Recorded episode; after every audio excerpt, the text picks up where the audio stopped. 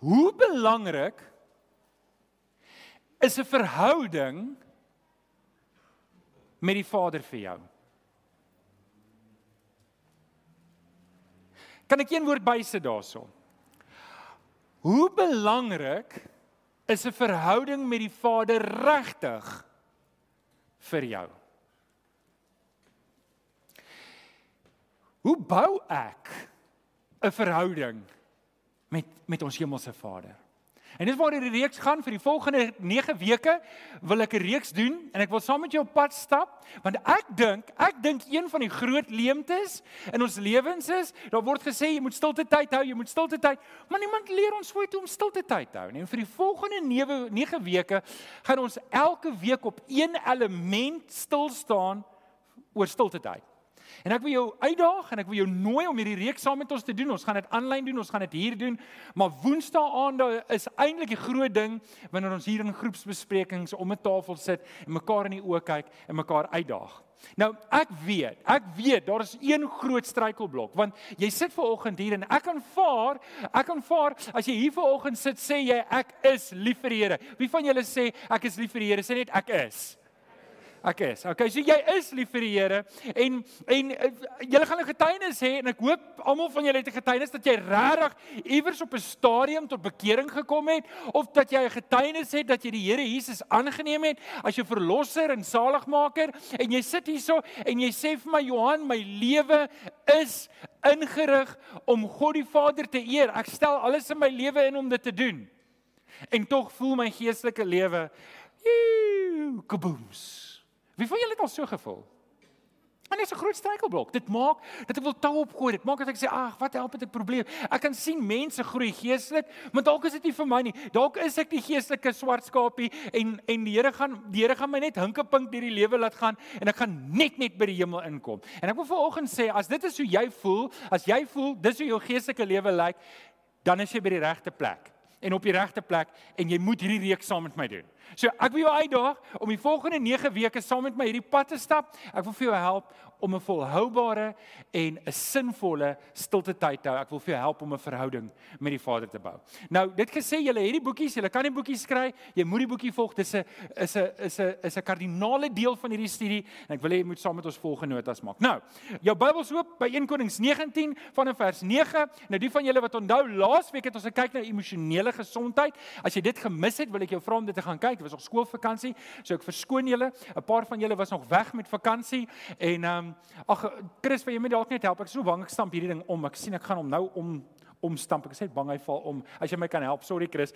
En um, ek wil net vinnig vertel van die laasweek se boodskap vloei in hierdie boodskap in en en nou wil ek gou julle moet julle julle moet gou diep asemhaal dat jou longe vol vars lug is. Maak.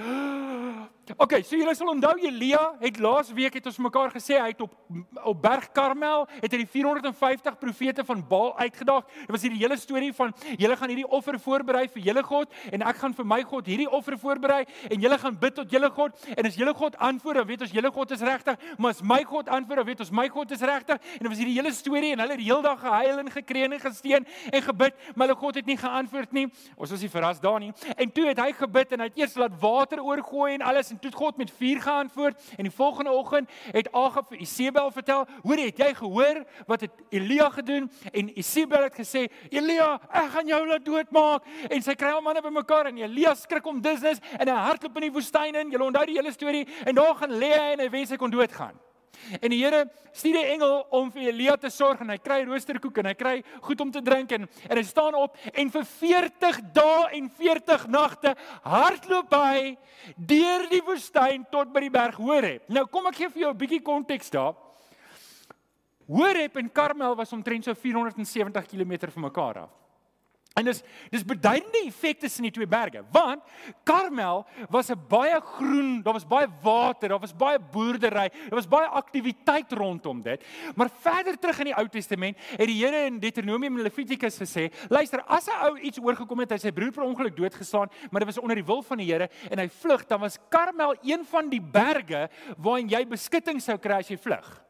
En die ironie hier is dat Elia kry geen beskutting op die berg Karmel nie en daarom vlug hy. Hy vlug na 'n hoër rangorde. Hy vlug na die berg Horeb toe. En hoekom dit belangrik is, is want dis waar Moses die tweede wet gekry het. So, verstaan julle, hy vlug na God toe. Hy gaan nou om vir God te ontmoet.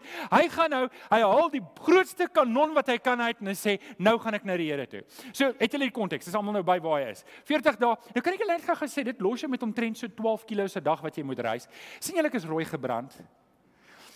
Ek is nie rooi van die son nie, ek is Johan van die aarde, net vir die rekord. Dis net 'n grappietjie. Um ek en my vrou het Saterdag 20 km gestap van die waterfront af oor die berg tot by Kampspaai en terug. Nou gaan jy vir my vra om as jou kar stukkend. OK. Nou, so ek het 'n goeie gevoel wat 20 km kan wees op teerpad. Hy het 11 12 km 'n dag in 'n woestyn gestap sonder water, sonder kos. Net so nog iets interessant voordat ons die teksgedeelte lees. Dit wat hom 40 dae en 40 nagte gevat het, het die Israeliete 40 jaar geneem. Geef vir jou konteks, nê. Nee. Maar dis um, iemand sê vir my voor die tyd, dis omdat die Israeliete bly die verkeerde afritte gevat het, dat hulle al in die ronde gegaan. Okay, so nou weet julle waar Elia is en ons lees in 1 Konings 19 vanaf vers 9. Hy het, bys by die berg Horeb, hy het in die grot ingegaan en die nag daar deurgebring. Wat 'n wonderlike plek as jy uiteindelik kom by die berg van die Here en jy gaan in die grot in en jy weet, nou is jy veilig, nou is jy by die Here. En ons lees verder toe toe die woord van die Here na hom toe gekom en gesê, "Wat maak jy hier Elia? En daai is 'n baie belangrike vraag, 'n vraag wat ek en jy onsself elke keer moet afvra wanneer ons in stilte tyd ingaan na die Here toe. Wat maak ek by die Here? Hoekom is ek daar? En nou gebeur hierdie interessante gebeur en ons lees in vers 10. Hy antwoord toe. Hoor nou hoe kla hy by die Here. Hy sê: "Ek het my hart en siel gewy aan die saak, Here Almagtige God. Die Israeliete het die verbond met U verbreek. Hulle het die altare afgebreek en die profete doodgemaak. Net ek alleen het oorgebly en hulle soek my om my om die lewe te bring." Dis 'n nogal 'n storie, nê? Nee. Vers 11 lees ons: "Maar die Here sê vir hom: Kom uit en gaan staan op die berg voor my die Here. Ek wil verbygaan. Skielik was daar 'n baie sterk wind wat die berg stikkend geruk het en die rotse gebreek het voor die Here. Ons lees aan verder. Maar in die wind was die Here nie. En na die wind was daar 'n aardbewing, maar in die aardbewing was die Here nie. Na die aardbewing was daar 'n vuur, maar in die vuur was die Here nie. En in die vuur, na die vuur was die fluistering in die windstilte. En dan lees ons: Toe Elia dit hoor, het hy sy gesig met sy mantel toegemaak en by die bek van die grot gaan staan. En toe hoor hy 'n stem wat vir hom sê: "Wat maak jy hier, Elia?" Ek wil net vinnig teruggaan na die teks toe. Die Here sê vir Elia: "Kom uit." En hy stuur 'n wind, 'n sterk rukwind wat die berg uitmekaar uittrek. Maar Elia weet die Here is nie daar nie. Die Here stuur 'n aardbewing en ek kan net dink hoe moes die hele plek geruk het en in die aardbewing is die Here nie. En dan is daar hierdie vuur wat verbykom, maar Elia weet in die vuur is die Here ook nie en toe is daar net daai stilte en die kalmte en die vrede wat die Here gee. En daar maak hy sy gesig toe. En my gebed is dat die Here vir my en jou in hierdie volgende 9 weke op 'n pad gaan vat waar ons stil kan raak en ons gesig toe maak en sê Here, ek beleef u vrede. Ek beleef u in die stilte. Ek wil vir jou in die volgende 9 weke leer en wys hoe jy sinvol 'n stilte tyd kan hê en 'n ontmoeting met God kan hê. So dis wat ek wil doen. Nou vir oggend wil ek met jou vier kerngeestelike gedagtes deel. So vir oggend is die inleiding, net dat jy weet, van volgende week af doen ons elke week 'n element. Daar's 8 elemente waarna ons gaan kyk. So ons hardloop tot in die tweede week van Desember in. So jy moet ongelukkig stiek voordat jy gaan vakansie hou. So as jy klaar jou vliegtuigkaartjies bel vanmiddag vir British Airways en sê ons skuif dit 'n week aan. OK, jy moet hier wees. Okay, is net 'n grafietjie, okay. Um so, geestelike kerngedagte nommer 1 kom weer in 'n regte verhouding met die Vader. Hierdie moet 'n diep behoefte by my en jou wees. Soos Elia geweet het, hy gaan na Horeb toe gaan, hy gaan die Here daar ontmoet. Net so moet ek en jy weet, ek en jy moet 'n begeerte hê om 'n ontmoeting te hê met die Vader. Ek dink dis een ding wat in ons lewe gebeur. Ons gaan 'n paar goed vanoggend aanraak wat in ons gemeente relevant is en in ons lewens relevant kan wees en in jou lewe kan relevant wees van wat skeefloop, hoekom ons sukkel met 'n verhouding met die Vader. So kom ons kyk na nommer 1. Kom weer in 'n regte verhouding met die Vader. In Filippense 1:11 sê Paulus, hy sê ek bid vir julle dat julle sal toeneem in liefde en in fyn aanvoeling. En dan sê hy, dan sal julle op die dag wanneer Christus kom onberispelik en sonder blaam wees en deur die Here Jesus sal julle geheel en al en hier is die woorde in 'n regte verhouding met God wees tot sy lof en eer. En dis regtig as predikant as jou geestelike leier, is dit die diepste geestelike behoefte wat ek het en dis om, om vir jou te help om in die regte geheel en al in die regte verhouding met die Here te staan. En vriende, hier moet ons mekaar tog kan help. Ons moet mekaar in die oë kan kyk en sê, hoorie, is jy op 'n pad wat jou weerhou om in die regte verhouding met die Vader te wees? Paulus sê so, hy sê ek wil hê julle moet toeneem in liefde, in liefde vir wie? Liefde vir God en liefde vir my naaste en fyn aanvoeling. Fyn aanvoeling waarvoor? Vir die regte pad. Want vriende, die hart is bedriegliker bo alle dinge. Amen. Nou weet julle wat daar's 'n verskil tussen 'n leenaar en 'n bedrieger. Weet julle wat die verskil? 'n Leenaar vertel leuns. Hom kan jy maklik uitvang. Iemand wat 'n bedrieger is, is iemand wat leen so formuleer dat jy nie altyd weet nie. Woorde word op 'n manier gedraai. Dit klink soos die waarheid, maar dit is nie waarheid nie. En wat wat wat Jeremia sê is die hart is nie 'n leenaar nie. Hy's 'n bedrieger. Hy verkoop aan my en jou goed. Hy lei my en jou om die bos en dis hoekom ek en jy baie agterdogtig moet wees vir hierdie eie hart van ons, want hy sal ons altyd wegrokkel van 'n verhouding met die Vader. En dis wat Paulus hierteen sê. Paulus sê die Here het 'n behoefte om 'n regte verhouding met ons te wees. Matteus 7 vers 11. Ek wil net gou kyk, wie is die paas hierso? Wie is die paas? Steek gou die hande op. Wie is die paas hierso? Okay, wie is die seuns hierso? Wie is die seuns? Okay, nou is al die dames uitgesluit. Maar jy moes as jy 'n man is, moes jy nou jou hand op een of ander manier opgesteek het. Nou, nou Jesus praat met die mense en hy praat eintlik oor gebedsverhoring en hier vanaf vers 11 in hoofstuk 7 in Matteus sê hy As julle wat sleg is, dan weet om vir julle kinders goeie dinge te gee. Hoeveel te meer sal julle Vader wat in die hemel is, goeie gawes gee vir die wat hom vra. Nou, hierdie klink 'n bietjie afronterend. As ek nou vir jou sê, hoorie, waar's al die paas? Ha, julle slegte paas. Maar maar dis nie eintlik wat Jesus hier sê nie. Jesus sê eintlik dat ons God en Vader is 'n goeie God. Amen. En en hy sê in staat daartoe om kwaad te doen of sleg te doen nie. In vergelyking met hom, wie van julle het al foute gemaak? Wie van julle het al foute gemaak? Ek het onthou eendag toe tel ek vir Glichelle op. Ek sê vir Glichelle, "Jy's oulik" en ek tel haar op. En toe tel ek haar aan die dakfyn op. Pong pong pong pong. Ek is 'n slegte pa. Ek bedoel ek Ek okay, dalk moet ek julle nog goed vertel. Julle gaan nie SPCA bel of iets, ek weet nie. nou, baie keer Maak ons foute. Ons is op die beste tyd. Het ons nie vermoë om foute te maak en slegte besluite te neem. Maar Jesus kontrasteer ons met die hemelse Vader en sê: "As julle wat op die beste dag maar foute kan maak, moet julle verstaan, julle God is 'n Pa wat goeie dinge bedoel." En ek dink daarin moet ek en jy vandag gerus. Hoeveel te meer as 'n slegte pa goeie dinge vir sy kinders wil hê, hoeveel te meer wil jou God vir jou nie goeie dinge gee nie. En ek dink daarin moet ons rus dat ek en jy kan 'n goeie verhouding met hierdie paai. Daar's nie 'n ding van ons ons God het nie gunstelinge nie. Hy hy hou nie meer van een en sê ook maar weet hy is my witbroodjie ek hou van hom maar ag ek weet nie weet Billy hm ek weet nie hy is 'n bietjie suspek ek sal maar ek sal maar ander planne maak met hom. Jy weet um, hy kan gaan swat maar Billy ek weet nou nie jy kan die Here maak nie so nie. Die Here maak nie so nie. Hy's lief vir ons almal. Hy het Jesus Christus aan die kruis laat sterf vir almal van ons omdat hy lief is vir jou. Sê net vir die ou langs aan Jesus vir die Vader is lief vir jou. Sê dit net vir die ou langs aan. Dit kan wees Dit kan wees en hier moet ons mekaar reguit kyk. Dit kan wees dat jy sukkel met jou verhouding met die Vader want daar's onbeleide sonde in jou lewe. Dit kan wees en ek bedoel ons gaan nou nou nagmaal gebruik, so ons moet dit vir mekaar sê. Dalk is daar sonde waarin jy volhard. Jy weet hierdie dinge is nie reg voor die Here nie. Jy weet dit is nie reg voor die Here nie, maar jy gaan net aan daarin. My ma het gesê, maar jy voeter net voort daarmee. Wie van julle se ma het dit ook gesê? Mag mense dit sê? Um en en en jy weet hierdie ding is verkeerd voor die Here, maar jy hou moetswillig aan.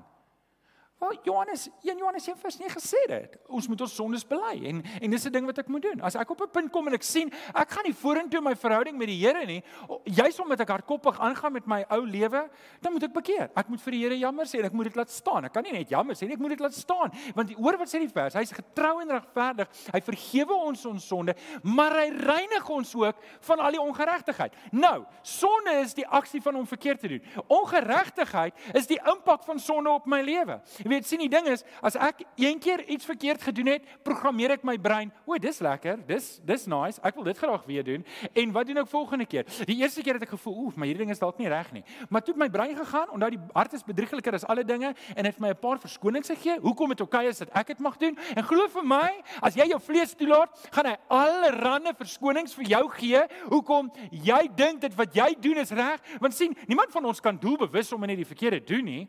Jou hart moet daarom vir jou 'n storieetjie opspin om vir jou te sê hierdie ding is okay.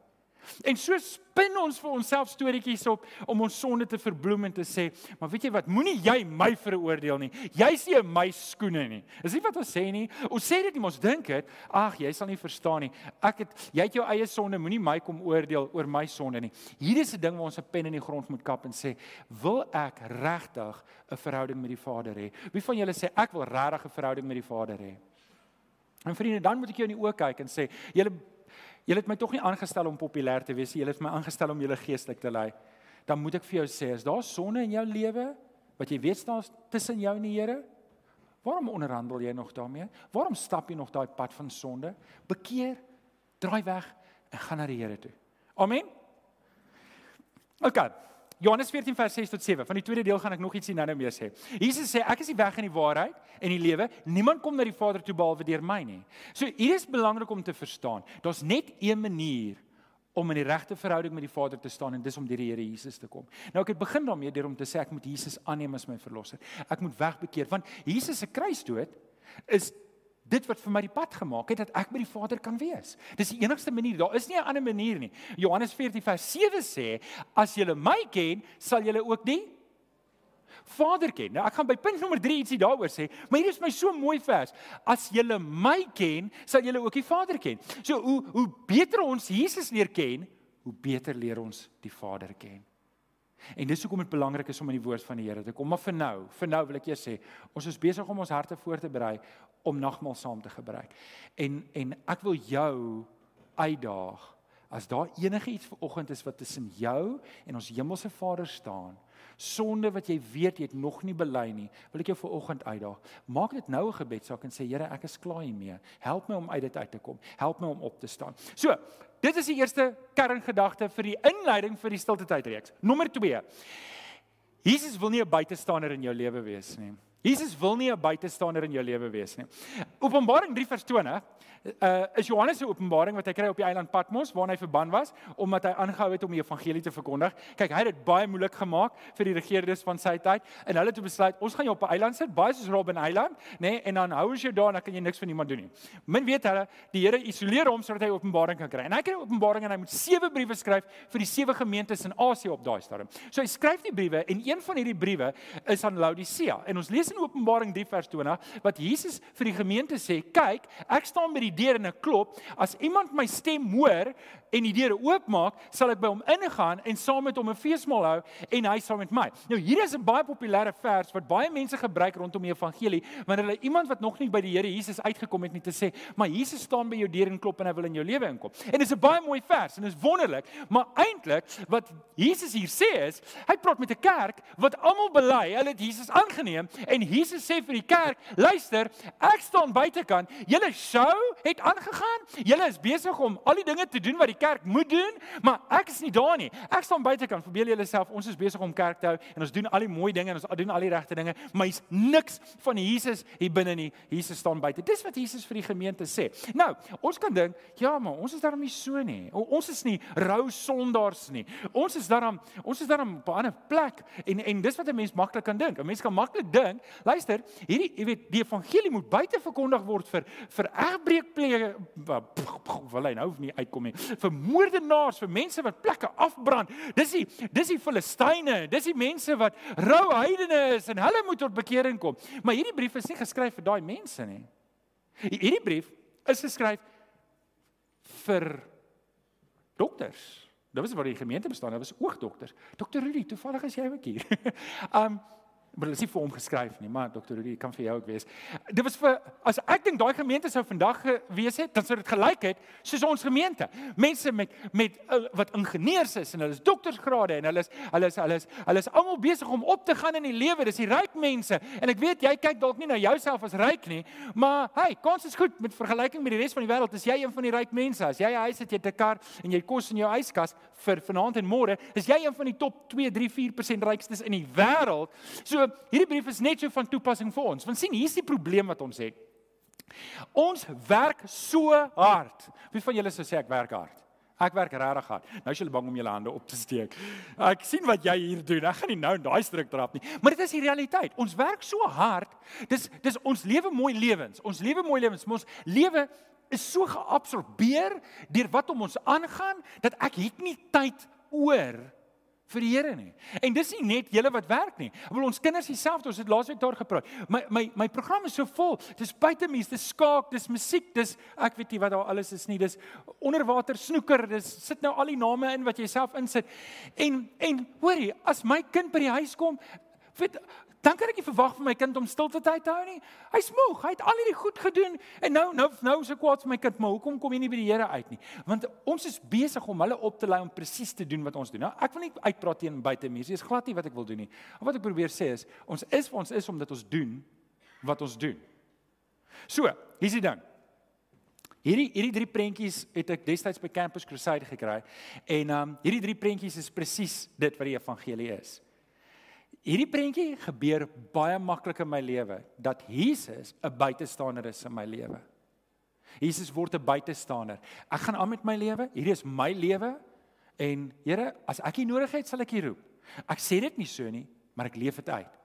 En daai moet verander. Daai moet verander. Nou daar's baie mense wat Jesus is daarom deel van my lewe. So ek gaan daarom Sondag kerk toe en ek gaan daarom Bybelstudie toe en ek doen daarom die dinge wat my daarom Christelik laat lyk, like, maar ek is nog steeds op die troon van my lewe. En vriende, hier's hier's waar ons mekaar moet uitdaag, nie net ek vir julle nie, maar julle vir my om seker te maak dat Jesus sit op die troon in my lewe. Dat daar niks van my moet oorbly nie. Dat alles wat in my lewe oorbly lyk soos Jesus. Want Jesus wil deur my en jou leef in hierdie wêreld. Hoe kom ons tot op hierdie punt?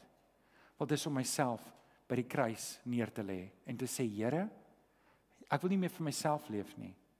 Ek wil vir en stilte tyd is 'n strategiese en 'n kardinale deel van om dit te bereik. As ek nie volhoubaar stilte tyd hou nie, dan gaan die wêreld my bly insluk. Die wêreld gaan my bly besig hou. En kans is goed dat as jy ver oggend hier sit en sê ek hou nie stilte tyd op 'n gereelde basis nie, is juis omdat jy dit toegelaat het dat die wêreld jou insluk. So. Kom doen nie stilte tyd seminar saam Woensdae. sien julle wat ek doen? Ek het julle nou opgelei tot hierdie dramatiese oomblik. Maar ek's ernstig. Kom doen Woensdae aan saam met ons hier stilte tyd. Jy moet registreer. Jy kan nie net opdaag nie, okay? Maar as jy opdaag, gaan ek jou nie wegjaag nie. Maar hierdie is ernstig. Hierdie is belangrik genoeg dat ek vir jou wil uitdaag om geestelik te groei. Amen. Okay. Geestelike gedagte nommer volgende. Die ewige lewe is om God te ken. Nou ek het vir julle gesê ek is besig met die inleiding. Ek is besig met die inleiding tot stilte tyd. So van volgende week af doen ons die elemente, maar um, ek wil ook nou dit laat oplei na die nagmaal toe. So, die ewige lewe is om God te ken. Johannes 17 vers 3 sê en dit is die ewige lewe. Nou, ek dink die ewige lewe is belangrik. Ons weet die ewige lewe is eendag wanneer ons afsterf, kry ons die ewige lewe en ons lewe vir ewig saam met die Here. Ons kry verheerlikte liggame. So die van julle, wie van julle sukkel met suiker, steek op die hande. Wie van julle? Niemand nie. Ah, daar's 'n paar. Wie van julle sukkel met hoë bloeddruk? Wie van julle sukkel met lae bloeddruk? Wie van julle dra brille? Wie van julle drink pille? OK. So die goeie nuus is, die dag as jy doodgaan, dan kry jy 'n verheerlikte liggaam, geen brille, geen pille, geen knieë, geen heupe, geen skouers, geen wat jy gaan hê, dit gaan net perfek wees. OK. Maar tussen nou en dan, wat dan? En nou sê Jesus, dit is die ewige lewe dat hulle, dis die disippels en ons, u ken, die enigste en ware God en Jesus Christus wat deur U gestuur is. Die ewige lewe is om God te ken. Dis waar dit begin. Die ewige lewe is nie net iets wat eendag begin nie. Die ewige lewe is wanneer ek besef wie God is en dat ek ook soos Elia na Horeb toe hardloop en sê Here, ek het behoefte aan U en ek doen dit nie net wanneer ek in 'n krisis is nie, maar ek doen dit soos Jesus dit gedoen het elke liewe dag kom ek by die Vader uit en sê Vader, U is my lewe. Het julle dit al gehoor? As 'n meisie vir 'n ou in haar in haar sy oor fluister of die meisie die ou fluister in die meisie se oor. Jy's my lewe. En twee maande het hy 'n nuwe meisie. Maar jy weet wat hy bedoel, nê? Nee? O, jy's so mooi. Hierdie is anders. Hierdie is om werklik te besef wie God is en dat ek en jy wat gewone mense is, werklike verhouding met hom kan hê. Johannes 10 vers 10 sê: 'n Dief kom net om te steel en te slag en uit te ry. Wanneer doen die dief dit? Is dit in hierdie lewe of die lewe hierna? OK, ek gaan nou stem want ek sien julle is bang om te antwoord. Wie van julle sê dis in hierdie lewe? Wie van julle sê dis in die lewe hierna? Ek moet nie nou hande opsteek nie, OK. OK, so julle stem saam, die dief kan net steel en slag en uitroei in hierdie lewe. Nou die res van die vers is dan ook van toepassing op hierdie lewe want sê ek het gekom sodat julle die lewe kan hê in oorvloed. Dit verwys nie na die ewige lewe nie, dit verwys na hierdie lewe. Nou wat is die lewe in oorvloed? Nou ons broers en van die ander kerke wil sê dat dit gaan oor allerlei goud en allerlei wonderlike dinge en skatte en rykdom, maar julle ek dink ons weet genoeg van rykdom, ons weet genoeg van geld en genoeg van besittings om te weet, luister, Dit kan jou dalk gelukkig maak vir 'n oomblik, maar dit kan jou nie gelukkig hou nie. En ek bedoel, Jesus het dit tog baie duidelik gesê. Jesus sê in Matteus 6 vers 20 tot 21: "Maak vir julle skatte bymekaar waar? In die hemel, waar rotte, kokkerotte en roes dit nie kan verniel nie." Nou, wie van julle het 'n strandhuis? Ek wil net kyk waar kan ek gaan vakansie hou? Daar's 'n paar. Kyk net, hou net, hou net op. Okay. So, het julle agtergekom? Plastiek roes plastiek roes. Maar jy as jy as jy enigiets lank genoeg buite is dan roes dit, nê. Nee. En en daai elke keer as ek elke keer as ek na by die see vakansie en ek kom by huis en ek sien hoe selfs die aluminium ek weet nie wat is dit nie want hy roes nie maar hy raak poeier. Dan besef ek net die Here roep ons juis om nie skatte hier op aarde bymekaar te maak nie want jy moet dit aanhou in stand hou en aanhou opknap en al en en en dit absorbeer ons en ek bedoel daar's niks verkeerd om eiendom te hê nie. Wat ek net wel probeer sê is dis nie wat dit beteken om skatte te hê nie. Die Here roep ons om skatte in die hemel bymekaar te maak. Nou hoe lyk dit? Hoe lyk dit om skatte in die hemel bymekaar te maak? Ek dink Matteus 6 vers 33 gee vir ons half en half 'n venster daarin wat sê beywer julle allereers vir die koninkryk van God en vir die wil van God. Dis hoe ons skatte bymekaar maak. Nou As ek 'n eiendomsbelegger wil wees, dan moet ek eiendomsseminare bywoon. Stem julle saam? As ek 'n aandele makelaar wil wees, dan moet ek aandele seminare bywoon. Stem julle saam? Nou net so as ek wil groei in die Here, dan lê my seminar handboek net daar, die Bybel. En hoe dieper ek my ingrawe in die woord van die Here, hoe meer leer ek die Here ken. Hoe meer beleef ek die ewige lewe en nou reeds. Hoe meer beleef ek 'n berg Horeb by my huis in my binnekamer en het ek iets om vir die wêreld te gee. Vierde geestelike gedagte en dis my laaste een en dit is die Vader soek jou hart. Die Vader soek ver oggend jou hart. En ek wil vir jou vanoggend vra wie behoort jou hart? Aan wie behoort jou hart? Aan wie jy jou hart uitverkoop? As ek en jy nou vir oggend mekaar eerlik moet vra, waar's jou hart? Behoort jou hart heeltemal aan die Here? Matteus 15 vers 8 sê Jesus vir die volk, vir die Israeliete, hierdie volk eer my met hulle mond, maar hulle harte is ver van my af. Hierdie volk, hulle hulle, hulle praat die regte taal, Hulle praat die regte taal. Jesus sê Matteus 6 vers 21, want waar jou skat is, daar sal jou hart ook wees. Weereens, dit gaan oor jou hart. Die Here soek jou hart. Nou, ons het hiermee begin en ons gaan nou half en half hiermee afsluit. Maar sien, ek dink dis baie keer wat gebeur is, ek sing die regte liedjies. Ek ken die liedjies. Wel, dis nie nodig meer om die liedjies te ken nie want alles is op die bord deesdae.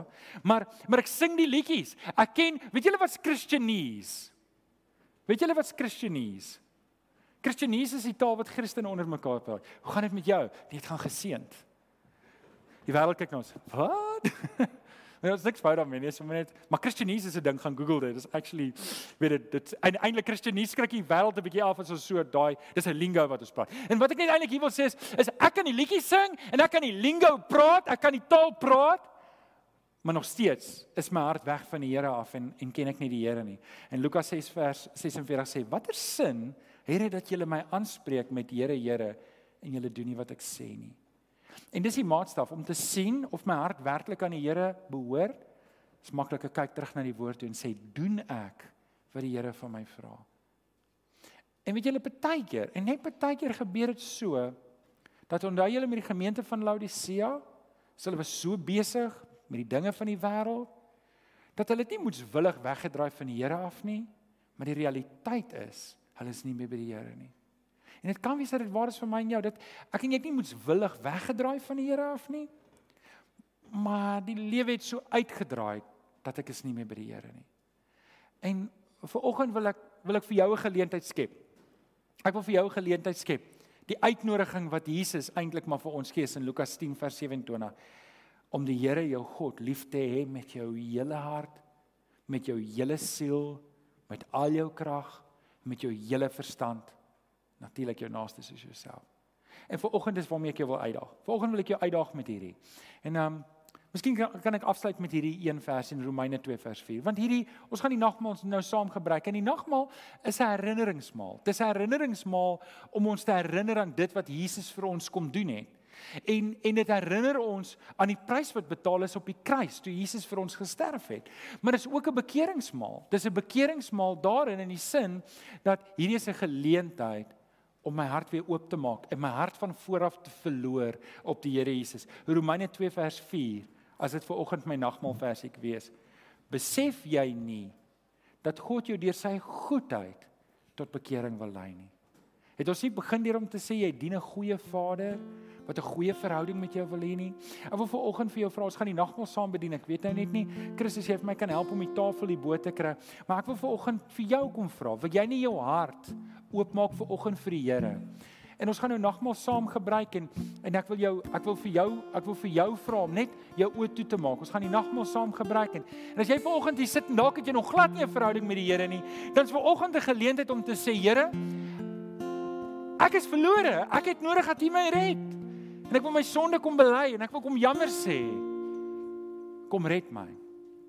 Dalk het jy vanoggend klaar die Here aangeneem met 'n bietjie jy het 'n bietjie afgedwaal, jy het 'n bietjie weggedwaal. Volgens wil ek vir jou die geleentheid gee om weer jou hart oop te maak. Nou vir jou net 'n geleentheid gee om jou nagmaal oop te maak, maar ons gaan dit saam gebruik.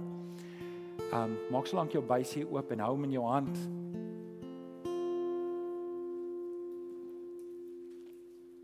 In 1 Korintiërs 11 vanaf vers 23 lees ons Paulus sê ek het in die nag ek het van die Here ontvang wat ek ook aan julle oorgelewer het. Die Here Jesus het in die nag waarin hy oorgelewer is, brood geneem en nadat hy God daarvoor gedank het, het dit gebreek en gesê: "Dis my liggaam.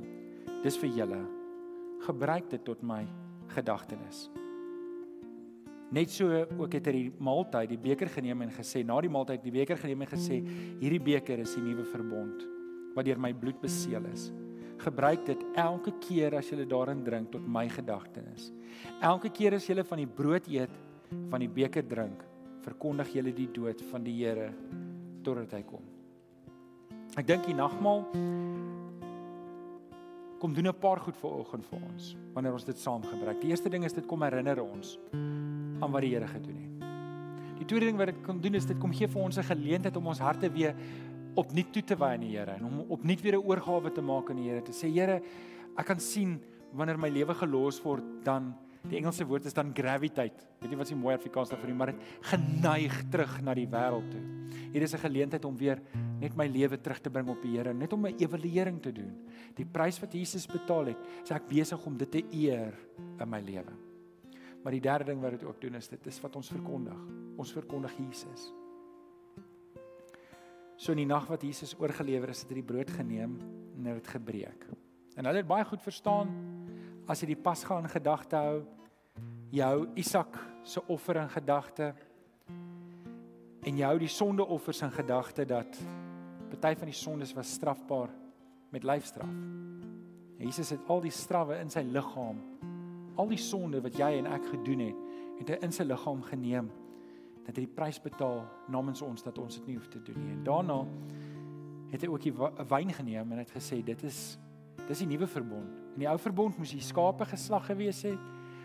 Met die uittog uit Egipte uit moes hulle die, die lam se bloed gevat het teen die deurkusyne en die doodsengel sou verby beweeg. Jesus se bloed aan die kruis was genoeg sodat die doodsengel verby ons sal beweeg dat ons ewige lewe kan hê. So wanneer ons nou die nagmaal saam gebruik, kom ons maak ons harte weer oop. En ons vra vir die Here om ons te seën en om ons op sy pad te lei. Ons gaan saam bid en dan gaan ons die nagmaal saam gebruik. Kom ons bid saam. Here, ons kom dankie dat ons die nagmaal saam kan gebruik. Here, dankie dat ons op hierdie visuele manier onsself kan herinner dat Jesus se liggaam was as te ware vermink, gebreek sodat ons die straf nie in ons liggame hoef te gedra het nie. Toe sy bloed gevloei het, is dit teken dat hy werklik gesterf het vir ons. Maar nie net het Jesus gesterf nie, hy het ook opgestaan uit die dood en opgevaar na U toe. En Here, dis die oorwinning wat ons het in dieselfde pad al sterf ons hier op aarde. Weet ons, ons gaan ewigheid saam met U spandeer. Dankie vir die nagmaal. Seën vir ons hier in ons bid dit in Jesus naam.